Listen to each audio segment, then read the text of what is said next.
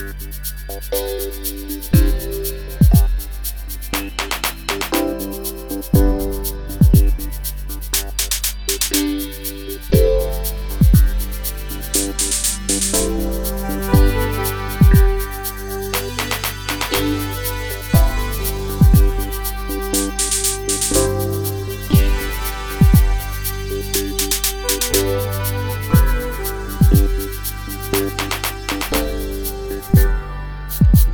saluton kai bonvenon ĉe la movada vidpunkto. Ni salutas vin el uh, Slovakio, do pli precize dirite de Modra Harmonia, la loco kie okazas okazis en la pasintaj fojoj la KAEST, la konferenco pri la aplikado de Esperanto en scienco kaj tekniko. Kai ni sidas ĉi tie kun en la granda salono en la kinejo kion oni kion oni nomas citie ĉi tie por uh, do diskuti pri äh, uh, Shangoi de paradigmoi au evoluoi de paradigmoi en la rilato inter scienzo kai Esperanto.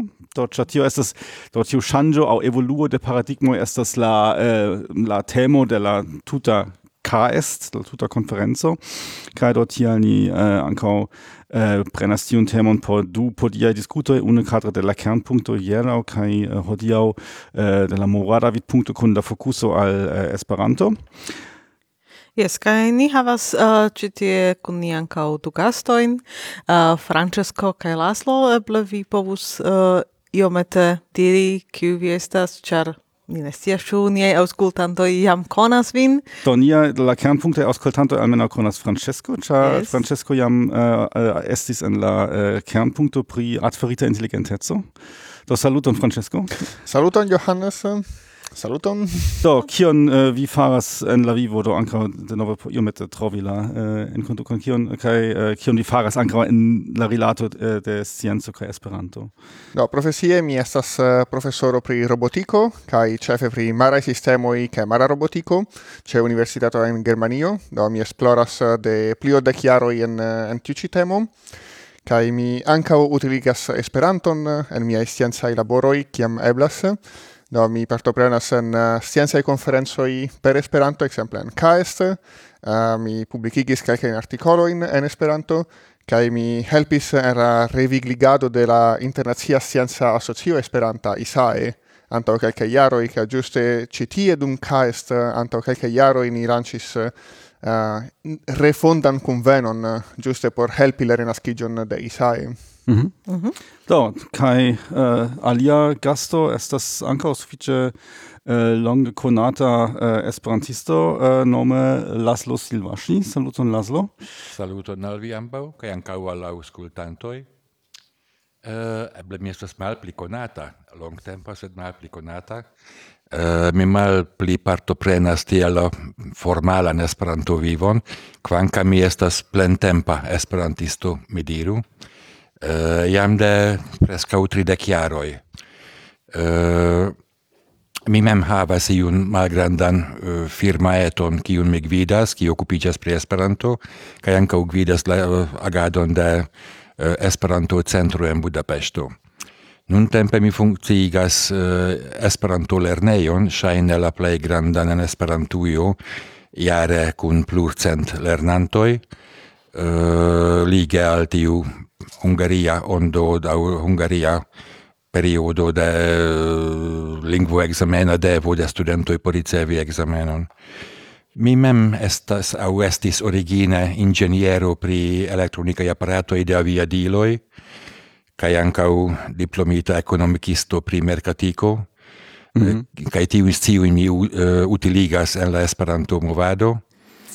Uh, exemple, uh, ni occupigas ancau nulige alla scienza i temoi pri functigo de STEB, tiel nomata Scienza kaj Teknika Esperanto Biblioteko, en interreto kie ni kolektas uh, eh, rete atingeblain, directe legeblain, materialo in cefe el teknika vid.to, kompreneble en Esperanto.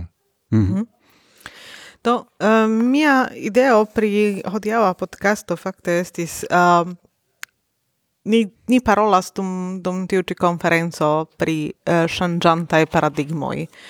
Kaj to tio estas ja klare, ke mondo ŝanĝiĝas kaj uh, kaj dum la lastaj uh, jaroj aŭ lasta jardeko la scienco kaj tekniko faris grandegan paŝon kaj uh, tuta mondo estas iomete alia ol ĝi estis antaŭe.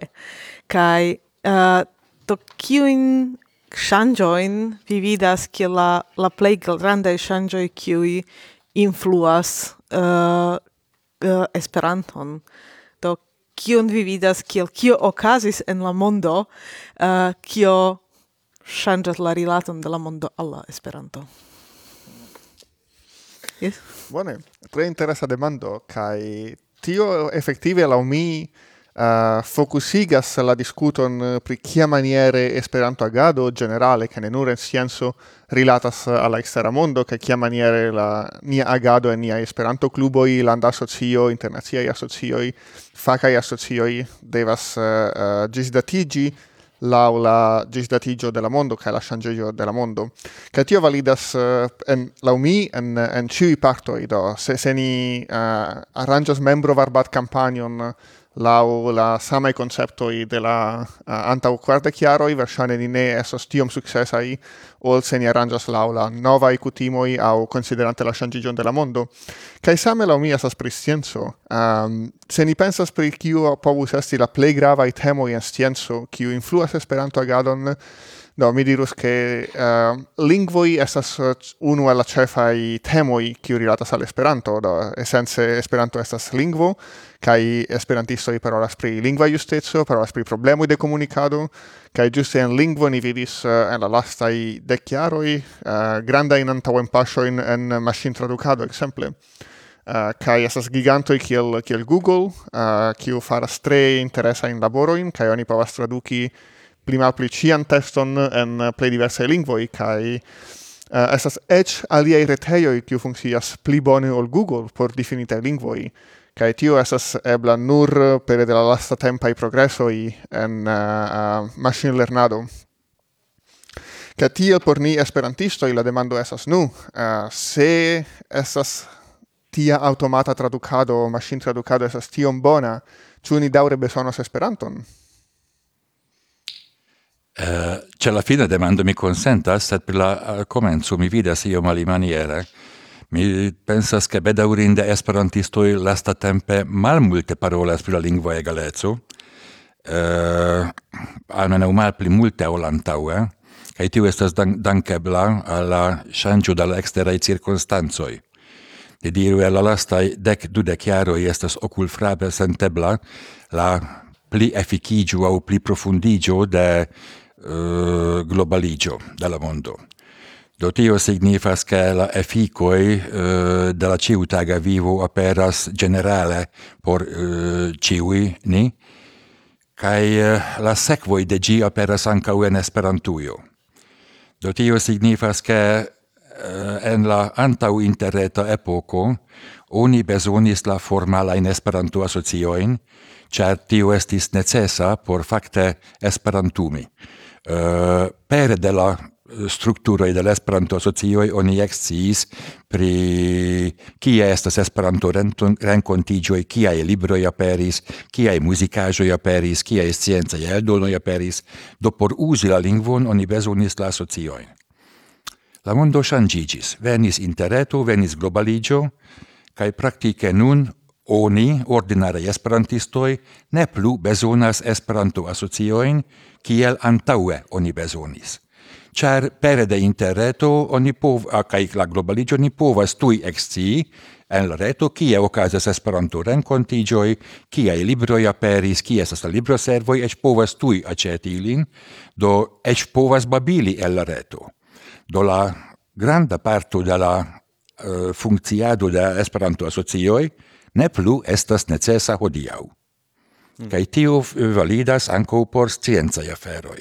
Do, povas tion iomete konfirmi, uh, do mi, mi ankaŭ uh, uh, okupiĝis pri Isae, kaj uh, mi uh, kek, dum kelkaj jaroj redaktis la sciencan revuon, kaj do mi vere sentis tion, ke uh, homoj ne plu tiom uh, interesiĝas, ĉar uh, eh, oni havas alia in rimedo in do antau ĝis antau dudek tridek jaroi eh, la revu revuo es estis unu ela tre tre tre malmultaj eh, rimedoi eh, por la faca scienza applicado de Esperanto. Kai eh, tio eh, do tial ĝi estis sufiĉe sukcesa kai de la flanco de la leganto kai anco de la flanco de la autoro kiuj interessigis verki por ĝi. Sed nuntempe do estas eh, do Kiel nie ein Kernpunkt und noch nin povas nun äh, Powers El Sendi äh, registri episodon. El Sendi gin Kai jam la postan und recevi la Reagro, in ami tre interesa Episodo, kion und Vifaris Kai, äh, ek estas eĉ diskuto foje do tio estas multipli äh, mi havas multipli Äh, eh, tujan äh, au baldaŭan äh, recompenson de via via laboro. Do contrast al tio post scienza revuo vi devas vere homo in ke ili äh, redactula erraro in ke kai äh, provleganto kai tio es tio multe da do, vere teda laboro ĉar eh, vi devas tio fari denove, kaj denove, tak kaj denove, kaj do tial eh, eh, tiu novaj rimedoj vere ŝanĝis la, la paradigmon. Tio ankaŭ havas la uh, interesajn konsekvencojn, ĉar ni registras ion, ni tuj ricevas la reagojn, sed uh, tiuj reagoj estas tiuj ne longdaŭraj. Do cio estas uh, claco de la chato en la Facebooko. Foje sed, la. Yes, uh, so, do, la oni faris dic fingron supren. kai, uh, kai uh, homoi clacas, kai tui forgesas, ke ion tian ili vidis. Ne estas la fizika libro en la uh, en la uh, en la domo en la uh, chambro ne estas uh, io per long daura uh, tio estas same tiu tiu tiu psikika psikaj problemoj kiuj uh, multai uh, junaj homoi havas ke ke uh, ili vivas en tiu mm, quasi un reala mondo, un reala mondo, uh, ili havas miloin da amicoin, ili havas miloin da contactoin, sed mancas tiu unu vera amico, kiu konus tiun personon. Mm. Kaj same estas eble kun, eh, kun tio to uh, eh, en Isae uh, oni ne plu klopodas uh, pub, uh, publikigi la uh, artikoloin en ia vera uh, gazeto, en ia vera libro, kai publikigas commentas en la Facebooko, sed uh, sed fakte fine cio estas perdita en la fluo. Do kiel vi vidas tiun neceson publikigi ankoraŭ ion alimaniere ol tiu en tiu rapida consumanta mondo? No, estas uh, tre tre aktuala demando, kaj mi, mi pensas ke uh, la ŝanĝoj en la socio estas uh, uh, ŝanĝoj qui ni povas shati a ne shati sed ni devas tamen eh, uh, accepti che ili estas. Kai la facto che la rolo de asocioi shangigis, tio esas vero ne nur por la esperanto asocioi, se generale por multa de, de tiu spezzo de asocioi de neregistare organizajoi. Aliflanque, mi ne pensas che tio igas la rolon de asocioi uh, eh, superflua, Mi pensas che tio changus la rolon de asocioi, che tio postulas multe pli da laboro che da profesiigo, char dum antaue uh, eh, Esperanto Clubo convenis kai asis la nura ilo por eh, uh, conatigi kun eh, uh, Esperanto gazetoi, libroi, eventoi che las lo diris. Non tempe tiu in afero in ciu homo povas mem fari per la reto, do kiu esas la rolo de la clubo, esus iu alia, do cimatene mi parolis pri unuiginta in azioi, vi ne povas iri al unuigintai nazioi kiel representanto de vi mem, dum vi povas mem verki articolon nome de vi mem, cae en tiu representa rolo, la rolo de grupoi, cluboi, regionai, cluboi, naziai asocioi, cetel plu, tiam esas ancora tre grava, char ili havas tiun representa rolon, kiu ne havas individuoi, cae tio evidente postulas pli grandan profesiecon, char Antaue, simple loca clubo povi simple dis, disdoni informoin pri kio casas en Esperantujo, sed se nun la rolo de la loca clubo estas paroli cu la urba instansoi tiam vi besonas alian alien capabloin che se la rolo de internazia socio antaŭe esis uh, eh, arrangi la ununuran congresson uh, la plej grandan congresson yes tio ankoraŭ estas la plej granda congresso sed ne estas la nura ebleco por esperantisto i por por rencontigi do se, se la rolo ŝanĝiĝas al pli representa al ekstera tia manca la profesieco deva ŝanĝiĝi mm. che lige al al tion kion vi diris antaŭe Uh, yes, uh, unu el la, el la avantagioi de la reto esas che ciu ain povas publicigi aferoin, eh, kai ti esas tute bona democratiigo, uh, kai um, esas engagigia ilo, en homo in ne devas pasi tra diversa asocio kai tel plus et povas tui publicigi informoin, La malavantaggio de tio esas kiel vi diris ke foje Ke povas publikigi informojn. Ciu povas publikigi informojn. Yes, do ne esas nur la fakto ke esas fluo kaj oni perdas la, la, la valora informoin, sed anca esas che vere ciu povas informo informoin, che ne estas aina pritaxado de kiom tauga estas tiu informo che tel plu, kai giusto ni, ni, ni venas al tiu post-facta epoco in ciu ciu ain publicigas eh, uh, la la sento, au charni volas uh, democratiigi, ni diras, ho, oh, bone, do ni havu du diversa in opinio in charni esas inclusiva do ci opinio esas sam valora che de uno flanco ni havas eh, spertulo che studis eh, dum tride chiaro in de la lia flanco ni havas homon kiu simple elpensis ainan teorion dum la mateno kaj ne ne faris kaj fondis instituton. La instituton ĉiu ajn da rajtas fond instituton. La esprimo instituto ne estas iel protektita. Universitato jes sed instituto ne. Yes, do kaj... ĉiu rajtas fondi ian instituton kaj diras mi estas la direktoro de la instituto pri ajna stultaĵo kaj tiam aspektas tiel uh, oficiala iel. Hm? malgrandan anekdoton ĉu ne povas? Jes yes, klare. Ĉe tiu eh, ne estas multe konata.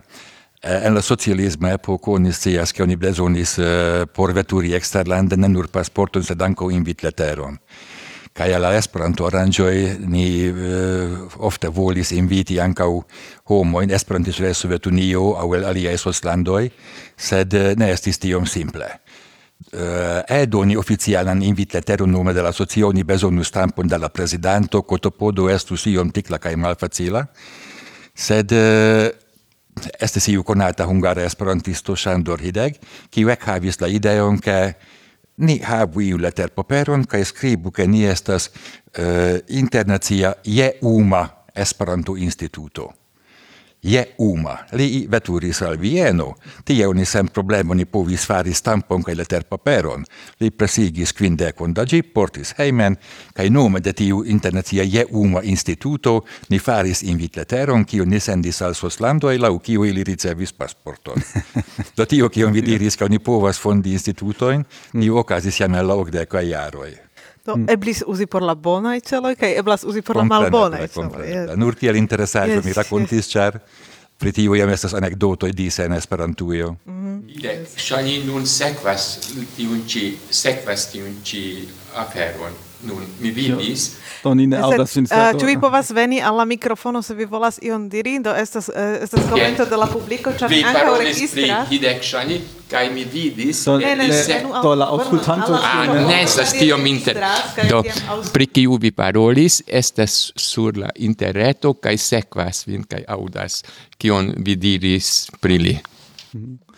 Jes, verŝajne. No, ne, eh, estas fiera pri lia uh, kia diri ca kaj elturniĝemo. Mm. Estis bona solvo, ni estas danka ali. Yes.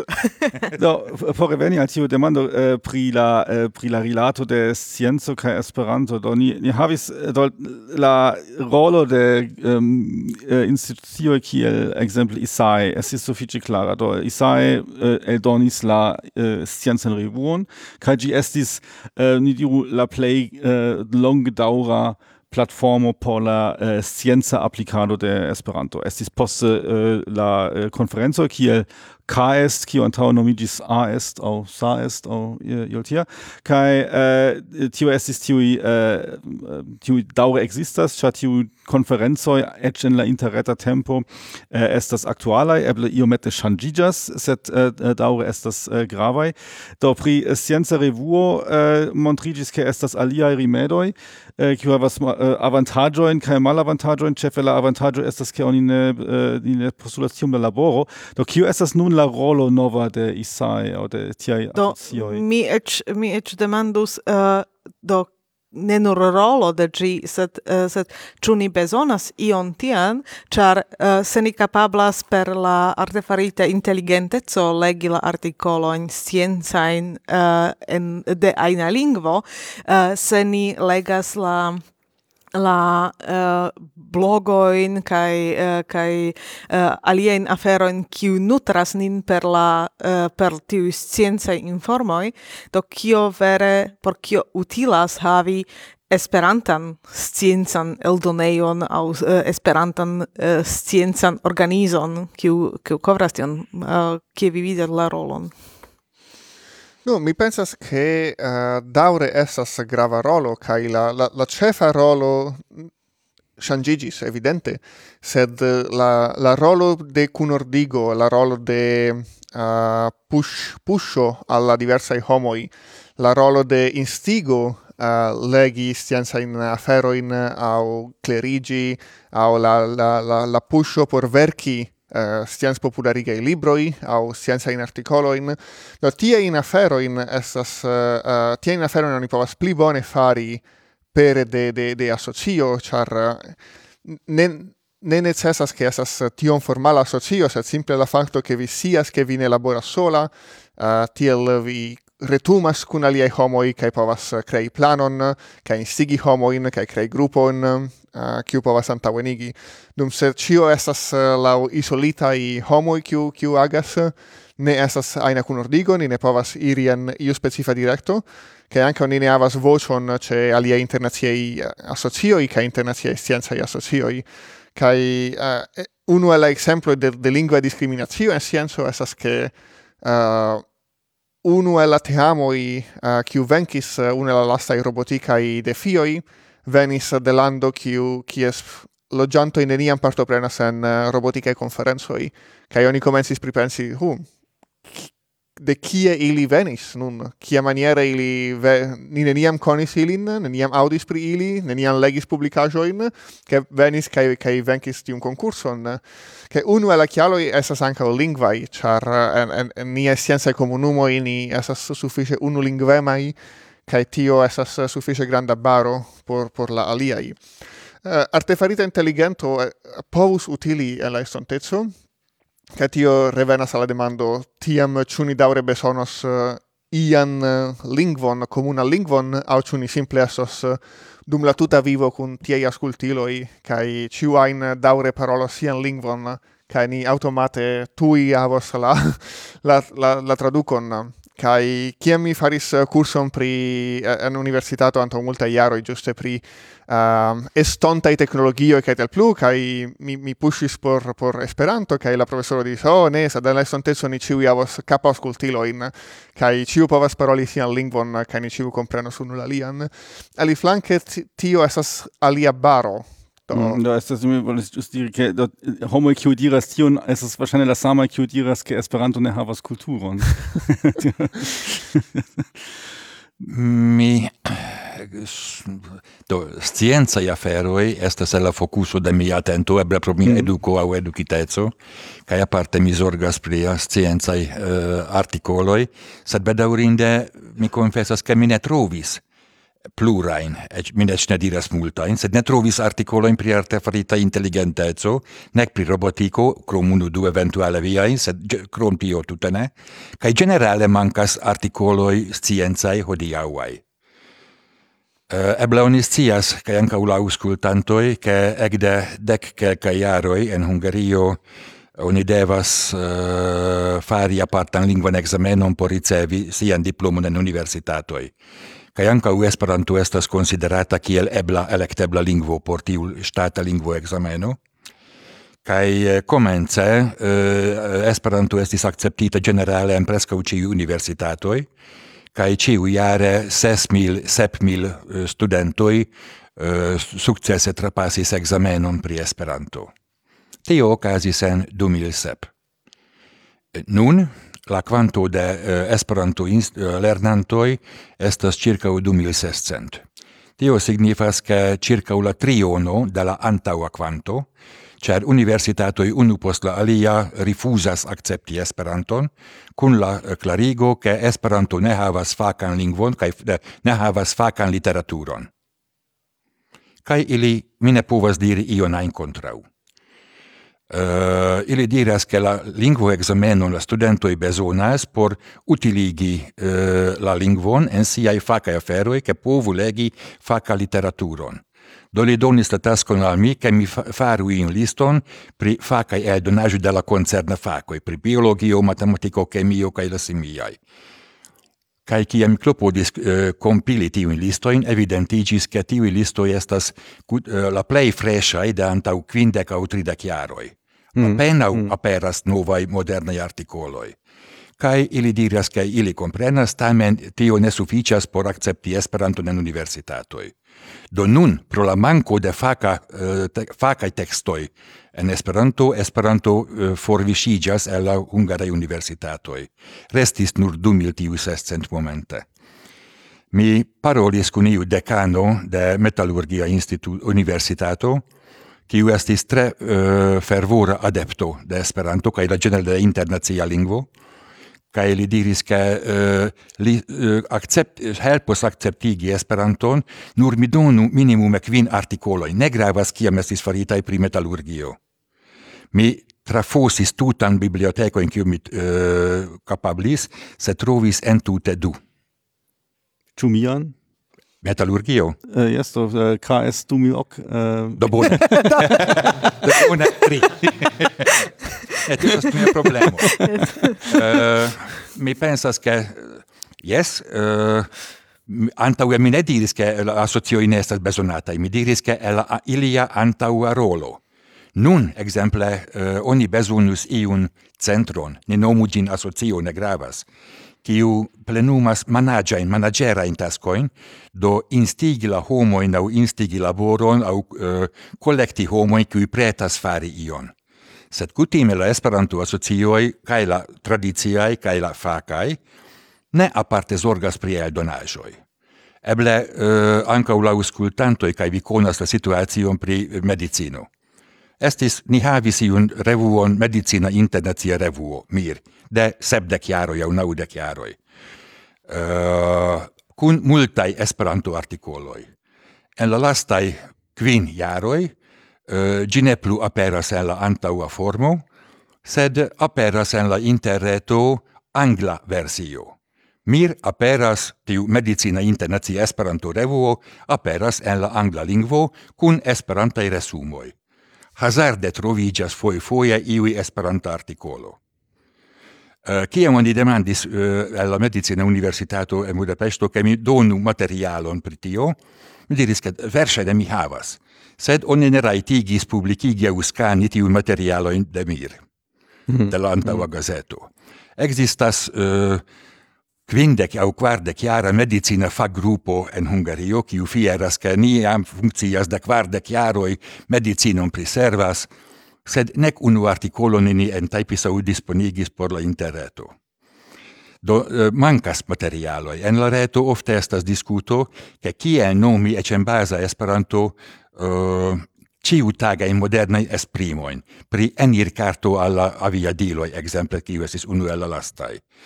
sed mancas ec tiui basai esprimoi. Do mi pensas che en scienza afero uh, ni havas ni estas postrastintai bedaurinde. Mm, yeah. Tiui modernai aferoi fakte mancas, oni povas amindumi en Esperanto tre bone, oni povas diri tre belajn poemojn kaj verki tiuin, sed paroli pri scienzai aferoi estas tre malfacile. Do mi, mi pensas, che ISAE au aliai organizoi havus la taskon au celon iom managi tiun agadon.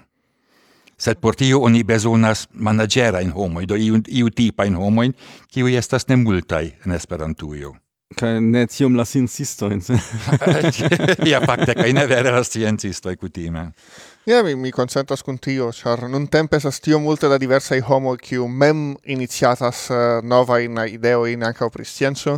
Exemple, antau calca iaro oni lancis novan scienza revuon telescopo, uh, eh, kai pos calca iaro gi formortis, che nun ni esas en contacto por uh, savi la archivon de, de tiu revuo, kai same se multae homo homoi ecaperas, kai scribas blogajon uh, pri scienzo, kai poste la homo malaperas, la blogo malaperas, No, vere unu el cefai rolo de, de asocioi devus esti igi kiel collectuio uh, kai organiza organizi la tuta materialon porque gi ne estu perdita kai anche che gi estu trovebla trovebla yes, yes. Mm. nu kai en tio isai kiam vi, vi anche estis mm. faris suffice staran laboron disponigante ciui in articolo in uh, eh, de scienza revuo en la reto sen page por ciui mm -hmm. Mm-hmm.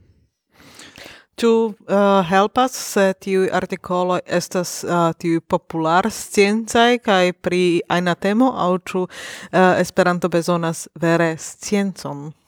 Aŭ ĉu tion ni devas distingi, ke tio estas popular scienza gazeto, popular scienza blogo, popular scienza podcasto, kaj tiam estas uh, vere scienca verko kiu vere havas ciuin uh, ciun uh, cititan literaturon ciun ciun ciun sed ne eblas verki. Uh, mia edzino uh, nuna estas biologo esploristo. Kaj eh, si uh, laboris en laboratorio uh, esplori pri uh, kaj zorg okupiĝis pri esplorado de pri kanceraj aferoj. Kaj mi petis sin ke faru iun uh, resumo nau artikolo en Esperanto. Kai si diris ke volonte sed mi donu modeloin la basa in esprimo de la faco do la faca in esprimo in esperanto sed pli gravas ke la parol turnoin. Do ne ne tiom grade la faca esprimo estas la grava kaj mm. malfacilaj sed la parol turnoi kiel uzi ilin en faca texto mi ne povis doni al si char simple mi ne havas au havas nur unu kelkain Uh, do mi pensas che uh, articolo in cun alta scienza en havo oni povas fari nur en kelkaj fakoj sed uh, antaŭ ol iri al tiu paŝo oni devus havi tiun scienc popularajn temojn aŭ artikolojn en kiu oni interkonsentas pli malpli al la praktiko kaj kiel oni uzas iujn esprimojn kaj unu post la alia konsentas uh, pri la esprimoj do unuela ebloi povus esti tiu tasko de ISAE au rolo de ISAE eh, funkciigi iun blogon en la reto, eh, iun scienz popularigan gazeton. Lasta tempe uh, aperis, au estis plurai el tiui aperis, uh, homoi en Brazilo, en Australio, en Rusio, ec havis ent entusiasmon por uh, fari tiun scienc popularajn temojn, sed entuziasmo daŭras monato in duon iaron unu iaro, posta el cerpicias, kaj la tuto eh, uh, velkas. Sed se oni havus iun komunan tiun eion kie eh, uh, homoi cune povus labori, tiu energio povus iri plu, sed iu devas organizi gin Mi tamen estus mm. iom atenta diri che en Esperanto ni povas verki nur pri kelkaj fakoj, ĉar tio estas eh, unu el la pikoj kiun ni ricevas kiam ni presentas Esperanto. Diri, oh, se tio ne estas vera lingvo, vi ne povas fari tion aŭ tion, ke se ni mem komencas diri, nu, efektive ni ne povas verki sciencan artikolon en, en Esperanto, tiam ni ne bone vendas nian varon kai la fero esas ĉu ni ne bone vendas nian varon aŭ ĉu la varo kiu ni volas vendi ne estas tiom bona. kai pri tio esas la demando kai mi mi pensas ke ĝi povas esti sufiĉe bona, sed Eh, kiam mi verkis, eh, do, la, mi pensas che la unua articolo kiu mi verkis eh, antau dec jaroi por CAEST eh, en 2008 esis eh, suffice scienza, ca mi avis malfacilajoin, evidente, en, en la vercado, uh, eh, cioè mi ne conis uh, faca in vorto in che mi devis elpensi che maniere esprimiti un concepton, aut tiun alian concepton, uh, Ali flanke mi ankaŭ pensis, uh, nu, se mi devo scribi la samon en, en la itala, kio estas mia denaska lingvo, mi frontus eh, tre similajn eh, defiojn, char la scienza mondo esas tiom anglalingva insulo, mm, mm. eĉ en mia denaska lingvo mi avus problemo in verki, au almeno ec paroli kaj prelegi mi devus iomete pripensi, hm, kiun vorto mi usus por tiu sensoro che por tiu alia che del plum Kai la mi science populariga i kai dur scienza in articolo esas uh, du malsamaj aferoj kai amba esas tre gravaj. Uh, eh, kai la mi Esperanto avas la capablon la eblon esprimi ambau Evidente la celgrupo estas i Do kia mi comensis, uh, uh, do mia unu articolo esis suffice scienza, sed anco mi comprenis che esis suffice malfacile en uh, konferenco ne, ne nepre, ĉar ni estas esperantisto, se povas esti en aina conferenzo kiu pritractas pli malpli ĉiu facon eh, de la scienzo, che estas homo kiu povas compreni tre complexa in afero in qui rilatas al mia faco qui nur mia san facano i paus compreni che tiel por calca elie conferenzo mi electis io mette pli generala in temo in pli scienz popularigai simple char esas eh, malfacile trovi tiun connecton cun, cun la publico se tio esas problemo pri la quanto da homo qui ni havas eh, kaj do se ni volas eh, che ni ai verco avu utilon en la nuna comunumo ni povus diri nu eble mi verco pli scienz popularige tiel che multe homo povus giui ilin.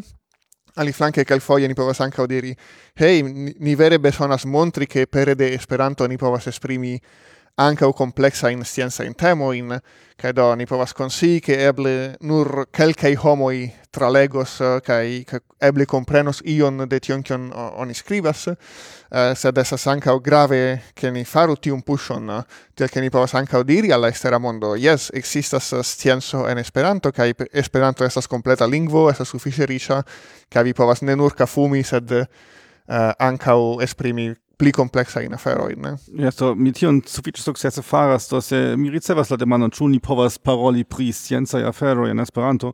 Mi montras la arkivon de kernpunkto do vidu kaj mi viŝas uh, eh, roligas la la paĝon kaj ĝi simple ne ĉesas eh, ĉar uh, estas intertempe tio multaj epizodoj. Kaj do vidu estas pri uh, gravitaj ondoj pri kvantuma teorio pri pri la psikologio de musoj pri kokcineloj la la la la seksa Eh, äh, ähm, kio estis sexta konduto de Coccinello.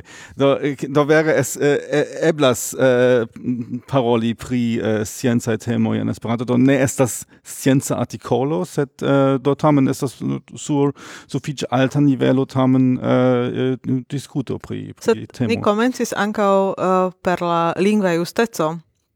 Kaj tio estis, uh, ke mi ankorau uh, eh, ne konis Esperanton, uh, kaj en la universitato devis lerni ankaŭ la lingvon, tiam mi sufiĉe multe, pl uh, multon plendis, uh, ke tio estas maljusta ke mi devas lerni alian lingvon, ĉar uh, do mi devas okupiĝi pri mia fako. Mi devas lerni mian fakon kaj se mi e, uh, se mi volas esti sukcesa mi devas ankaŭ uh, anstataŭ teknika kaj arta uh, fako okupigi pri la lingvo kaj esti sufiĉe bona en la angla ekzemple uh, povi labori en la eksterlando aŭ povi uh, povi uh, komuniki kun kun uh, ne nur nia eta mondo ĉi tie sed kun la kun la tuta mondo. Kai uh, tion tio estas tute alia uh, tute alia eh, uh, directo de la pensado pensi pri la lingvo au pensi en alia lingvo kai kai postulas multe da uh, da klopodoi multe da uh, fo, multe da fortoin Kai uh, por tio mi estis tute malcontenta ke mi ke mi devas uh, miajn fortoin uzi por uh, por io tia kiel lingvo. Uh, sed tamen estas tiel en la mondo, ke sen la angla uh, oni ne povas eh, uh, iel, iel konkeri la mondon nun.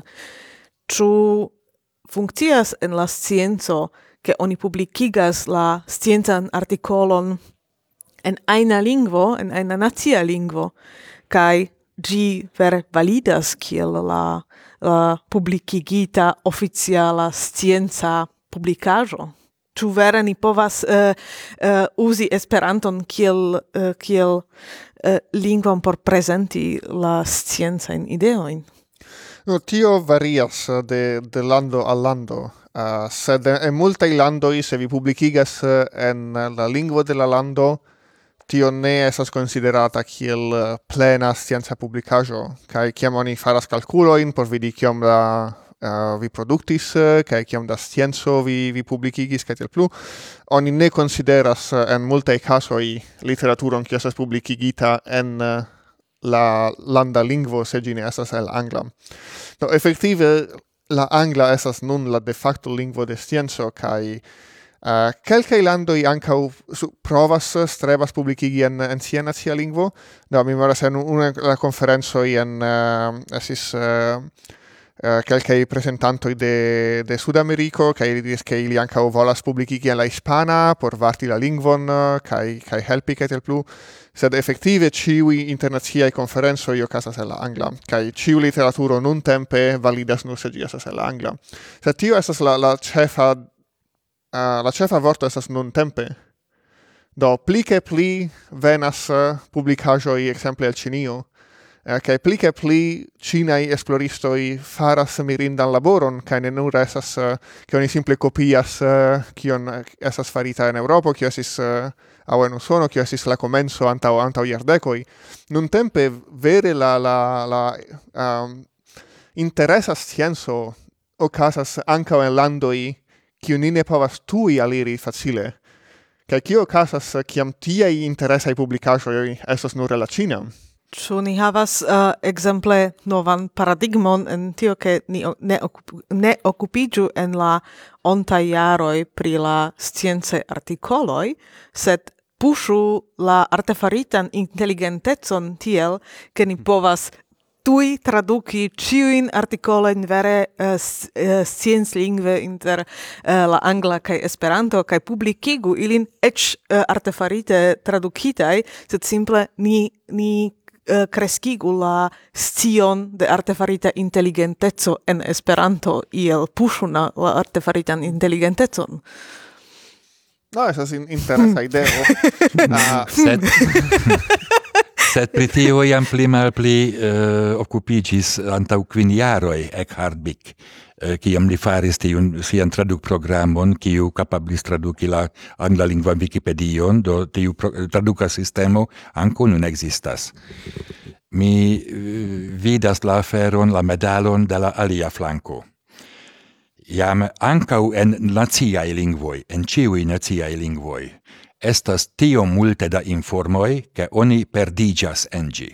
Estas tre malfacile kapti tion, kiu estas grava uh, seni, kai tio validas ancau por la angla, ancau en la scienzai aferoi, sed ancau por la naziai lingvoi.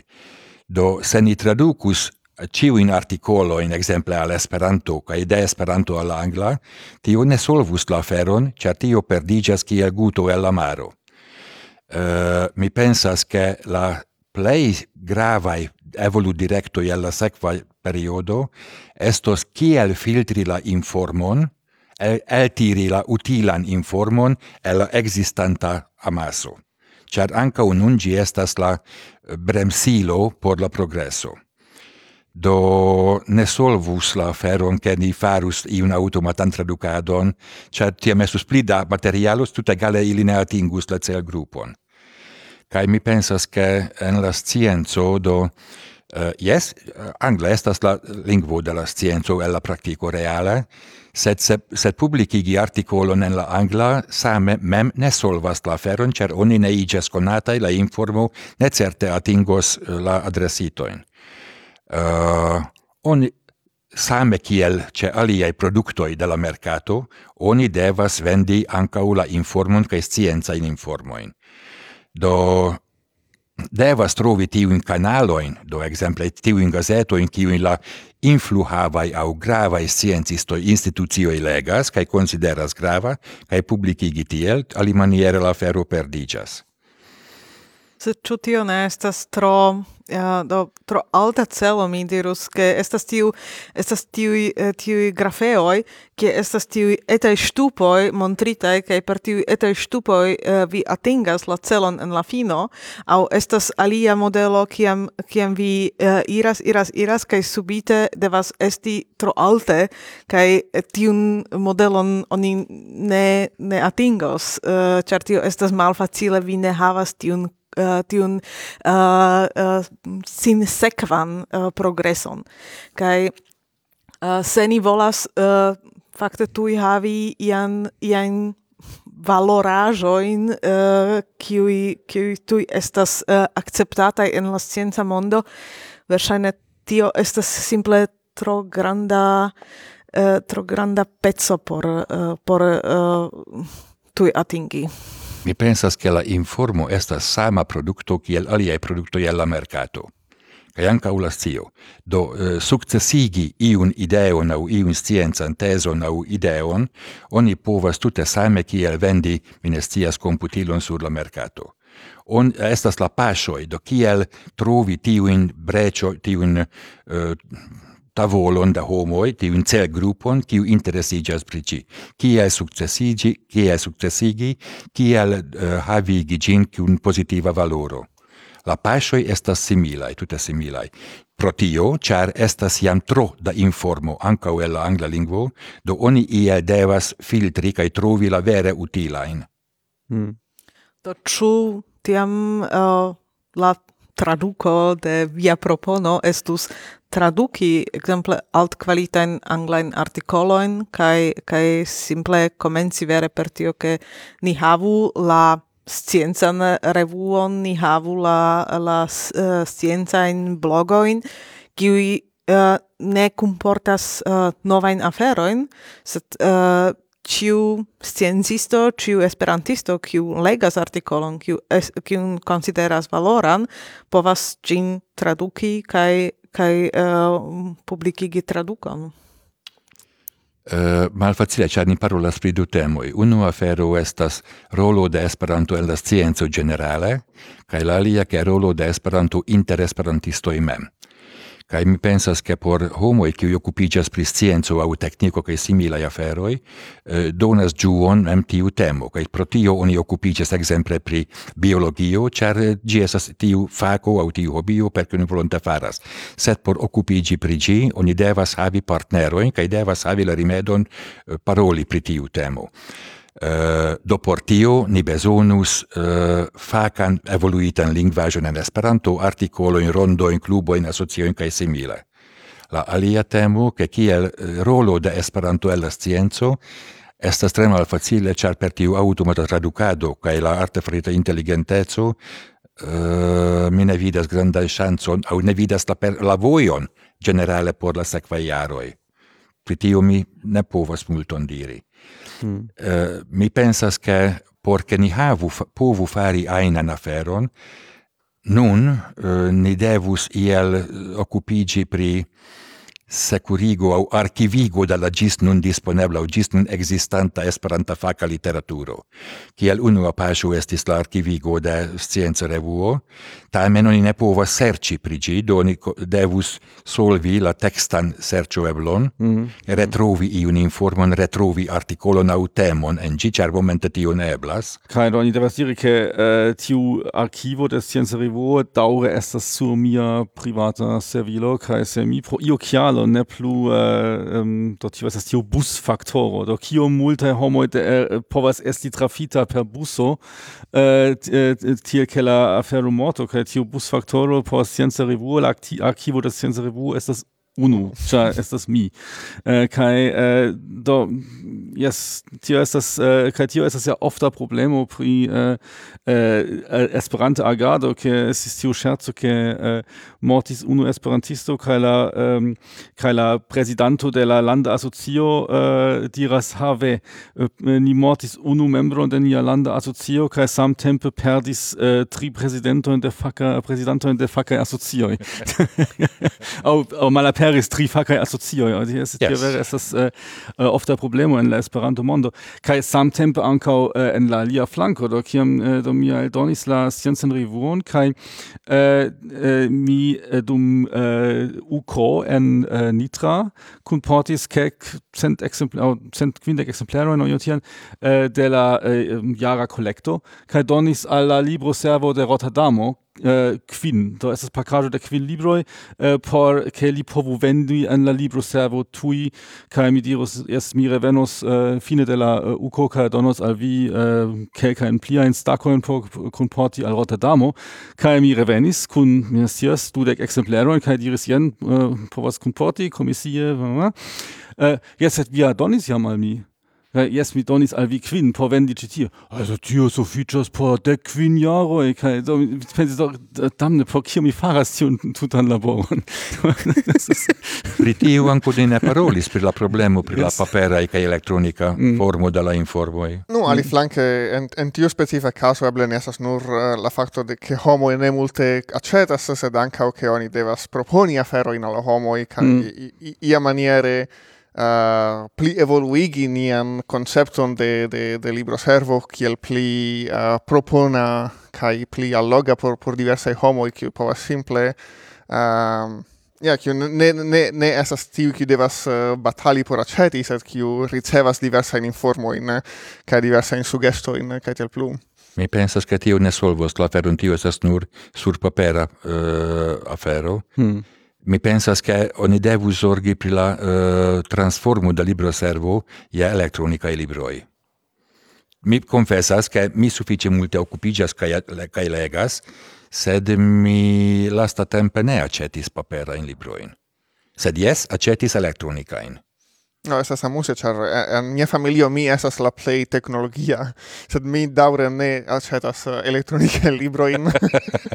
mi daure preferas paperoin, dum, dum uh, Sara uh, male, do, si esas, uh, si alian facon, Ah, uh, tutte pri, pri, pri filosofio, kai, kai religio, e tal plu, kai male si accetas multe da elettronica libroi. No, yes. Uh, do, in tiu senso la trasformo esas bona fero, do la adaptigio al, alla mondo kai alla diversa desiroi, ah, uh, sa tio esas anca uno e la plia exemplo in kiu oni eh, la trasformo ne deve signifi ni ec de nun ni simple shangas fero in uh, sed ni devas uh, aldoni uh, ne astatawi nepre do mm. depende de de de Do tia do internazia au tutmonda elektronika libro servo tio estas wahrscheinlich äh, certe deserinda afero ĉar do po mi ĉiam estas iomete absurde kem do mi flugas exemple al Vietnamio, port äh, de tia kun porti 3 kg in da libro kiu antaŭe estis prenita de Rotterdamo äh, do, do kai, äh, do elektronike estus äh, multipli facile do äh, Yeah, no, en, en caso casoi alia eblezzo esto simple aceti en, en Vietnamio exemple, sed uh, ne nepre comporti, kai simple arrangi che la libro iastu sendita al via domo eble Rotterdamo recte, che oni ne havu tiom da libroi, oni simple havu por, por montri, mm. che poste oni, oni prenas la mendoin, kai oni sendas al vi poste. Shaina vi diris la stosila in vortoin, do adaptigi, eh, alla nona circostanzo e la demando nur estas kion fari por ke adaptiĝi. Ĝuste pri tiuj liberaj aferoj. En la äh, eh, naŭdekaj jaroj ni eldonis iun gazeton eventoj. Malmultaj scias, sed ĝi havis lokajn eldonojn, do oni ne devis sendi per poŝto la tiujn mm -hmm. uh, gazetojn al Pollando, Rusio kaj Litovio, kie ni havis multajn abonantojn, ĉar surlo mi sendis nur elektronike la originalon kaj ili surloke multobligis ĝin. Se tio eblis en la naudeca iaroi, ciu ne eblas nun? Do exemple tiun libroin sendi elektronika formate al Vietnamio kaj tie surloke presi per digita pres ciferezza preseto unu du tri au quin exempleroin, mm. por la loca merkato. Mm. Ja, tio estas tre in, in, interesa aspekto kiu ni devas esplori kaj Uh, yeah, do mi pensas che jam venis kelkaj i kai espereble venos ankaŭ pli ankaŭ de, de, de la publico kiu poste ni povas sendi kiel rekomendoj. Ah, uh, kai mi notas la bus factoro pri la isaj servilo kai ni, ni, ion aranĝo. Yes um Do, äh, fakte la publiko iomete pli grandigas kaj mi pensas ke tio estas ĉar ili atendas la sekvan programeron. Uh, do uh, ni uh, povintus au povus verschiedene uh, eh, senĉese uh, diskuti pri tiu temo. Estas ankoraŭ multa aspekto kiun ni ne tuŝis. Sed uh, do tamen uh, ni um, uh, pensas ke estas bona momento por fini. Do uh, Laszlo kaj uh, Francesco koran dankon uh, pro via ĉeesto sur la uh, podio kai eh, ankaŭ koran dankon al la eh, publiko. Kiu ne ekdormis eh, kvankam estas malfrue. Ne estas tiom malfrue kiel eh, kaj ankaŭ al la aŭskultontoj kiu aŭskultos tiun epizodon post kelkaj semajnoj. No, dankon. Ĝis baldaŭ. Kaj ĝis.